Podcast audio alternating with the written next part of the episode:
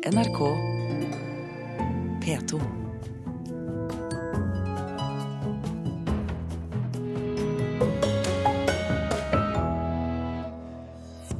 Kunstnere vurderer rettslige skritt mot Munch-museet. Utstilling avlyst for andre gang. Mannen i Unni Askelands film om Hadelandsdrapene er en bløffmaker. Og magiske univers, oppdiktede vesen og uforklarlige hendelser. Norsk skrevet fantasy er i vinden som aldri før. Dessuten anmelder vi Lars von Triers nye film 'Nymphomaniac', og vi skal innom innskrenkende i ukraineres eh, ytringsfrihet. Du hører på Kulturnytt med Birger Kolsrud Aasund i studio. Kunstnerne Crispin Gurholt og Markus Brennmo vurderer rettslige steg mot Munch-museet. De er opprørte etter at utstillingen Fresh Paint, som skulle opp på Stenersen-museet, som altså er organisert under Munch-museet i Oslo kommune, den er nå avlyst for andre gang. Her Eh, på lageret her nå så er det tre store malerier som er ca. 2 ganger 2,50, tre meter, og som har stått her nå snart i to år og ventet på å bli stilt ut. Crispin Gurholt syner malerier som skulle være en del av Fresh Paint-utstillinga. Fresh Paint var bestilt i 2010 av Stenersen-museet, som ligger under Munch-etaten, og skulle etter planen åpne i 2012. I tillegg til Markus Brennmo og Crispin Gurholt skulle flere anerkjente norske og internasjonale kunstnere være en del av utstillinga. En måned før dørene skulle åpne, fikk kunstnerne beskjed om at utstillinga var avlyst. Etter flere større presseoppslag så det ut til at saka likevel kunne få en løsning, etter et møte med Stein Olav Henriksen, direktør for Munch-museet. Eh, på det møtet så ble vi enige om at utstillingen likevel eh, skulle gjennomføres. Eh, og det skulle da gjennomføres eh, i løpet av vårparten 2013. Eh, ja, Så kom jo våren 2013, og det var helt stille.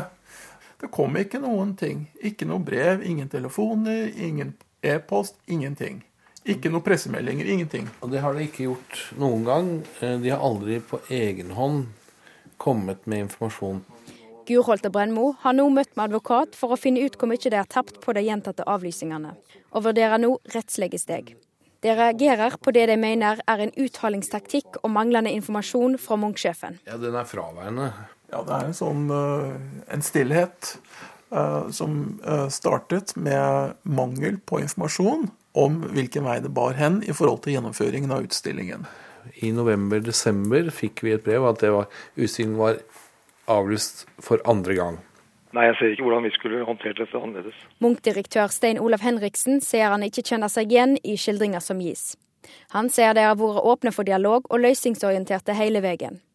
Han vil ikke kommentere ytterligere før han har mottatt brev fra Brennmo og Gurholt sin advokat. Vi har meddelt eh, kunstnerne om at dette utstillingsprosjektet ikke lenger eh, er gjennomførbart. Så har vi hatt en dialog rundt det, og nå venter vi på deres eh, svar på vårt brev i fjor.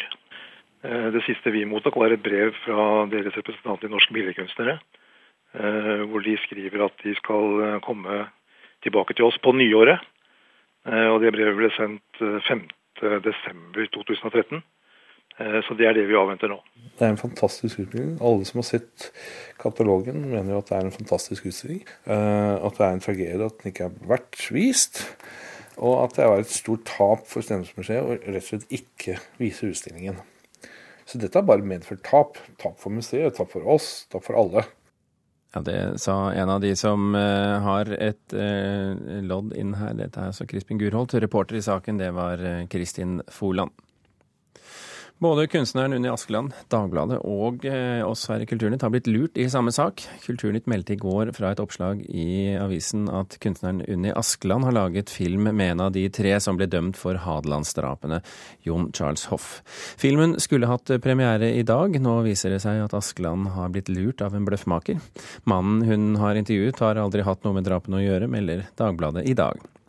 Det var den virkelige Hoff, som nå har skiftet navn, som selv tok kontakt med avisen etter at uh, artikkelen sto på trykk i går. Agnes Moxnes, kulturkommentator. Har dette overrasket deg? Ja, jeg har aldri hørt om en uh, lignende historie før, men uh, nå er den her. Og, og, det er klart dette er en veldig overraskende utvikling på denne historien. For det var jo Men, men hvilken del av historien er det som overrasker deg?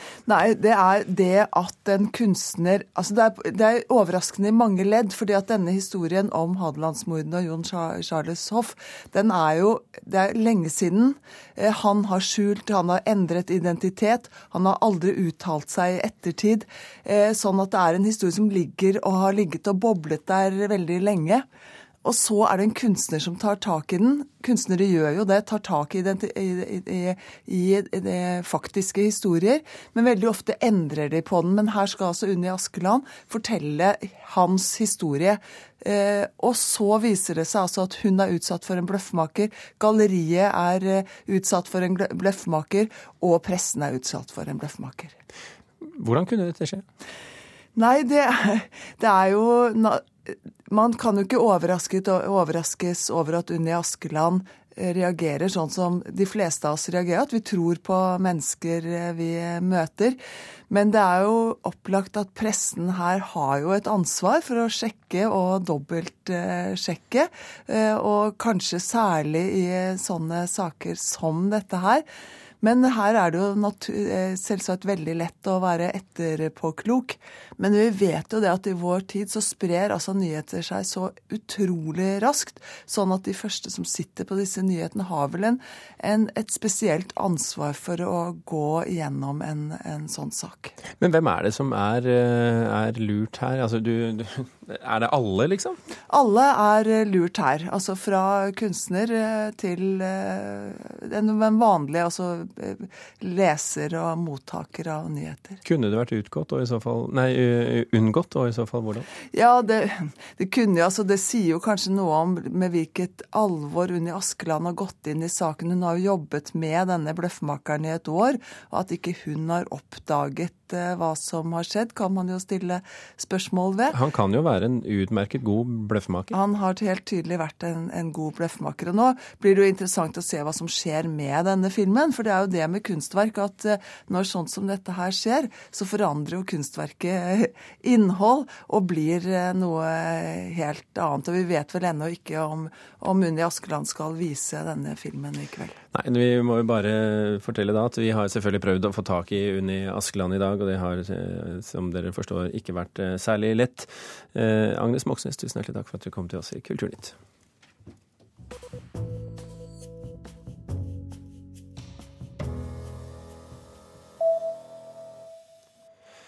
Frankrike innfører lav moms også på nettaviser. Papiravisene i Frankrike betaler i dag en momssats på 2,1% mens nettavisene har 20 Men rett før helgen ble franske medieledere innkalt til Kulturdepartementet og informert om at både papir og nettaviser i fremtiden skal ha samme lave momssats. Det skriver Dagens Næringsliv i dag. 2,1 i Norge har papiraviser i dag momsfritak, mens nettaviser betaler moms på 25 Bloggeren Marie Ullevålsæter fra Oslo ble kåret til årets nykommer for bloggen Out and About på Vixen Blog Awards i går kveld. På bloggen beskriver hun seg som en 25 år gammel kvinne som jobber og lever for mote. Til sammen ble det delt ut priser i 13 kategorier. Gunnar R. Tjomli vant prisen for årets sterke mening for bloggen Saksynt.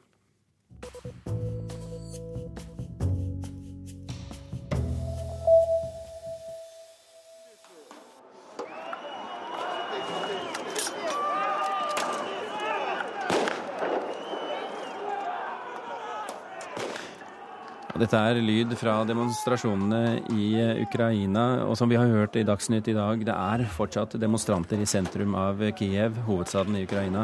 I går ble fem mennesker drept i demonstrasjonene, og i forgårs trådte det i kraft en svært omstridt lov som innskrenker møtefrihet og ytringsfriheten i landet. Og Berit Lindemann i den norske Helsingforskomité, hva slags lov er dette? Ja, dette er en lov som ble vedtatt Eh, i full fart eh, i forrige uke. Den var helt uventet, og den er åpenbart myntet på demonstrasjonene som foregår i Kiev nå. Eh, den ene siden av dem er å, å dempe protestene og, og, hindre lovlige protester, og den andre er mediene. Ukraina har vært relativt fritt, men nå har de fått lover som pålegger stort personlig straffansvar for journalister og stor kontroll administrativ kontroll over mediene. Men hvor streng er den egentlig? Ja, det, eh, Hvis man leser loven nå, er det vage lover, men det inneholder en rekke elementer. altså eh, Forbud av spredning av ekstremistisk aktivitet, hva man kan legge i det. Det kan gi flere års fengsel. Eh, innsamling av informasjon om påtaleapparatet, som vi vet er eh, korrupt. Hvis man sprer informasjon som fornærmer dommere, politifolk, så kan man bli ilagt et personlig straffansvar i de samme domstolene. Også svært eh, uklart og eh, en, kan innebære rett og slett forbud av eh, rapportasje om eh, korrupsjon i, i, en så viktig maktinstans. Eh, også, Noen har hevdet at Ukraina er blitt en politistat over natten. Hvor presis er en sånn beskrivelse? Eh, ja, altså hvis man bare tar over natten, så kan det jo eh, tyde på det. Eh, politiet er jo ikke i utgangspunktet gitt videre fullmakt, fullmakter enn de hadde før gjennom disse nye lovene, men de har fått en, en rekke nye lover som de skal håndheve. Og dermed så, så, så, kan det jo bli sånn, men, men, vi har jo også sett hvordan de har blitt bevæpnet eh, og bruker vold, og det er klart det er det er en, en ny sak. Men når det gjelder mediene, så er det jo også eh, registrering og blokkering av sosiale medier som er en veldig viktig faktor i eh, dette, fordi at eh, ukrainske demonstranter er konger på å eh, bruke sosiale medier til å spre informasjon, eh, til å løfte saker, skape engasjement. Eh, og nå kan dette stoppes av, av, myndighetene. Hvordan skal vi beskrive eh, Ukrainas ytringsfrihet eh, nå etter at denne loven har blitt innført?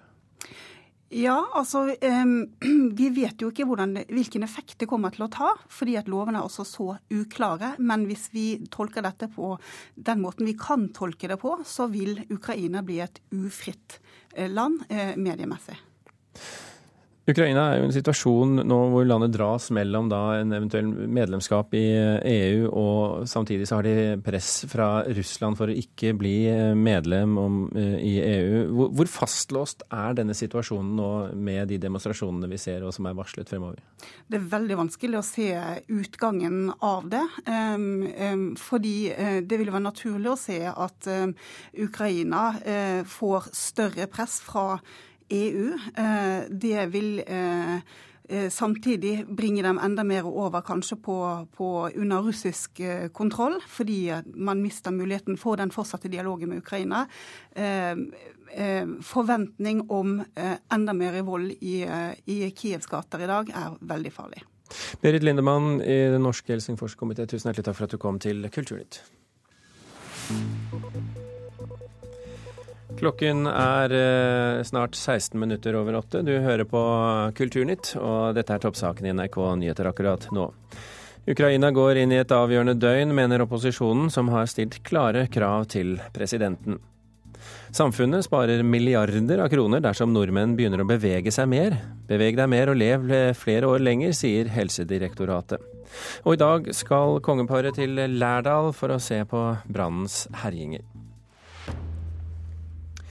Fire timer med Lars von Trier har premiere på en del kinoer i morgen. Det er en klippet og revidert versjon av eh, filmen 'Nymphomaniac'.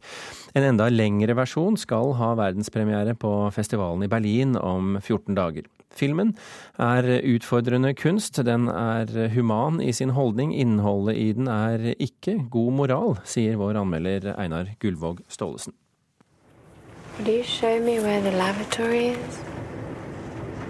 I have to blow my nose. Nymfomaniac. Det begynner med sex på toget. På togdoen. Tre ganger.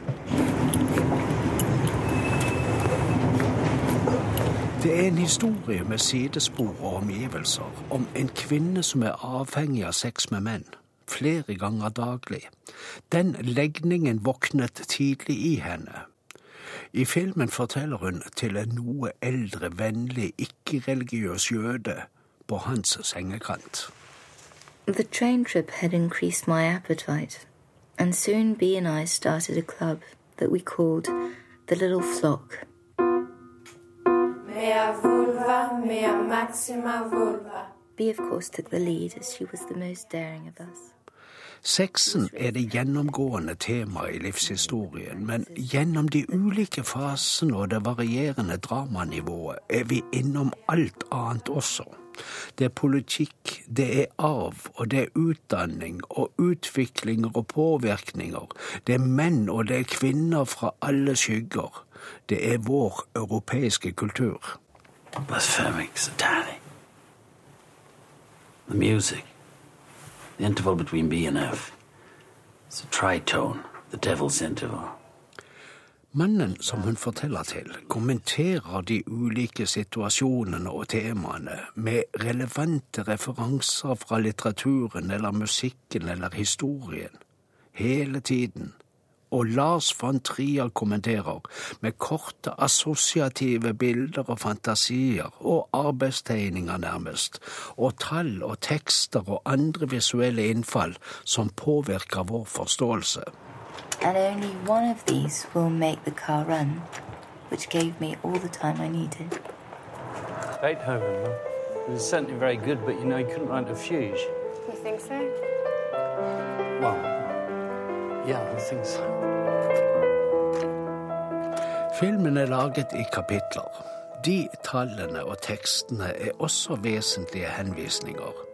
Jérôme heter et hovedkapittel, og Fru H Dilerium, Speilet, Østkirken og Vestkirken. Et kapittel om pedofili heter Pistolen. Selve filmen er lettere å forstå enn at det vi ser, faktisk skjer. Noen deler av historien går utenfor de fleste fantasier. Noen kan slite med en undring over at mennesket har så mange sider, og at det i tillegg plager seg selv med de mørkeste. What do you mean? You have this orgasm, not only an orgasm, but a spontaneous orgasm. Yes, it was an orgasm. Though the doctor described it as uh, an epileptic seizure. During that orgasm, Jeg tror ikke vi får se så sterkt skuespill en gang til i år. Unge Stacey Martin, den voksne Joe, Charlotte Gainsbourg, unge Mira Goth, unge Sophie Kennedy Clark, Jean-Marc Barr, den alltid solide Stellan Skarsgård og Oma Thurman, som er imponerende annerledes i denne rollen. Å bli instruert av Lars van Trier skjermes ikke av noen arbeidsmiljølov. I flere roller minner belastningen om tortur. Det vil være ulike syn på hvorvidt kunst bør koste mennesker en slik pine. Når jeg ser det her, mener jeg ja. Lars von Trier får oss til å tro på noe som er utrolig. Hør mer fra Einar Gullvåg Staalesen i Mørkets opplevelser her på P2 klokken 19 i kveld. Fantasybølgen i litteraturen mister så ingenlunde kraften, heller ikke når det gjelder norsk skrevet litteratur, og i fjor høst ble tre norske eh, fantastdebutanter solgt eh, til utlandet. Bokhandlerne merker en økende interesse, og i februar kommer nok en ny norskskrevet bok som skildrer det magiske universet. Her er. Det var ikke store rommet. I husets minste rom har forfatter Martin Fyrileiv levd ut sin ungdomsdrøm. På pulten ligger fantasyboka 'Bergtatt', og det lukter trykksverte. I Fyrileivs første bok blir vi tatt med inn i en norrøn verden. Et magisk univers hvor en gutt på tolv år har hovedrollen. Nå har det jo blitt litt mer populært det siste året, og, og så har jeg lyst også, da, til å bidra til at vi får en sånn ny norsk fantasy-tradisjon i Norge. For det er vel uh, veldig lite som er skrevet med basis på norrøn mytologi. For fantasy-sjangeren, som skildrer fantastiske univers med oppdikta vesen, har lenge vært populær, og norske salgslister har vært prega av engelske bøker. Men i fjor høst ble tre norske fantasy-debutanter solgt til utlandet, og nå er det norskskrevne fantasyen på tur opp. Vi ser at det kommer eh, stadig mer eh, fantasybøker på norsk. Det sier Marit Grue, kategoriansvarlig i Ark bokhandel. Det er spesielt aldersgruppa 12 til 20 år som får oppfylt sine behov med norsk fantasilitteratur. Det er at Vi har sett populariteten som disse seriene i den sjangeren har hatt de siste årene på engelsk hvor også mye har vært oversatt til norsk, og det har folket veldig veldig godt. Og man har sett at det er et behov for eh, denne type bøker også på norsk.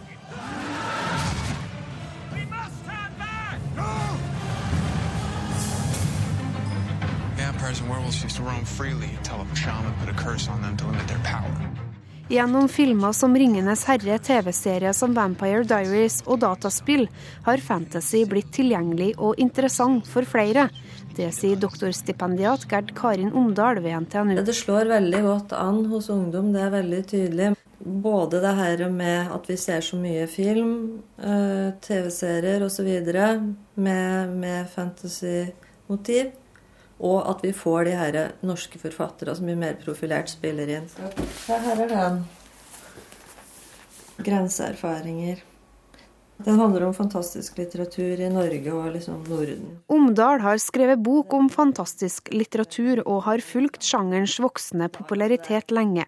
Mange av de norske forfatterne vokste opp med sjangeren på 70-tallet, hvor fantasybølgen skylte over Norge, ifølge Omdal. Og en av årsakene til at ungdom leser fantasy i dag, kan være en motreaksjon fra det virkelige liv. Den ungdomstida er en tid som, som, ofte er litt sånn ustabil og vanskelig. Og Der kan det være det her, Man kan leve seg inn i en annen verden, man kan drømme seg bort. Vi selger veldig mye fantasybøker akkurat nå. Det gjør vi. Spesielt uh, ungdomsfantasien, da. Det er veldig mye av. Inne på en bokhandel i Trondheim er en hel vegg fylt med fantasybøker. Fargerike bokcover og fiffige titler. De norske forfatterne gjør det bra. Det har gått uh, ganske bra. Vi har jo selvfølgelig Tone Almia som er beste eksempler. Hatt stor suksess i utlandet og hjem her. På det lille kontoret i Namsos fyller et tankekart hele PC-skjermen. For i februar slippes den første boka i trilogien. Kanskje så er det jo den norrøne grunnen som gjør at det, det våkner litt i markedet. Da. Det blir mer populært. Jeg tror det er som andre sjangere òg. De har en sånn oppvåkningstid. Krimmen har hatt det mot Europa. Kanskje så er fantasy sin tur. Og reporter i denne saken, det var Kaja Kristin Næss. Komponist Ståle Kleiberg er nominert i kategorien Beste operaplate sammen med Trondheim Symfoniorkester med innspillingen av oratoriet David og Batseba. Det er andre gang Kleiberg og Trondheim Symfoniorkester er nominert til en Grammy. Ståle Kleiberg, velkommen til Kulturnytt. Jo, tusen takk for det. Hva syns du om eh, nominasjonen?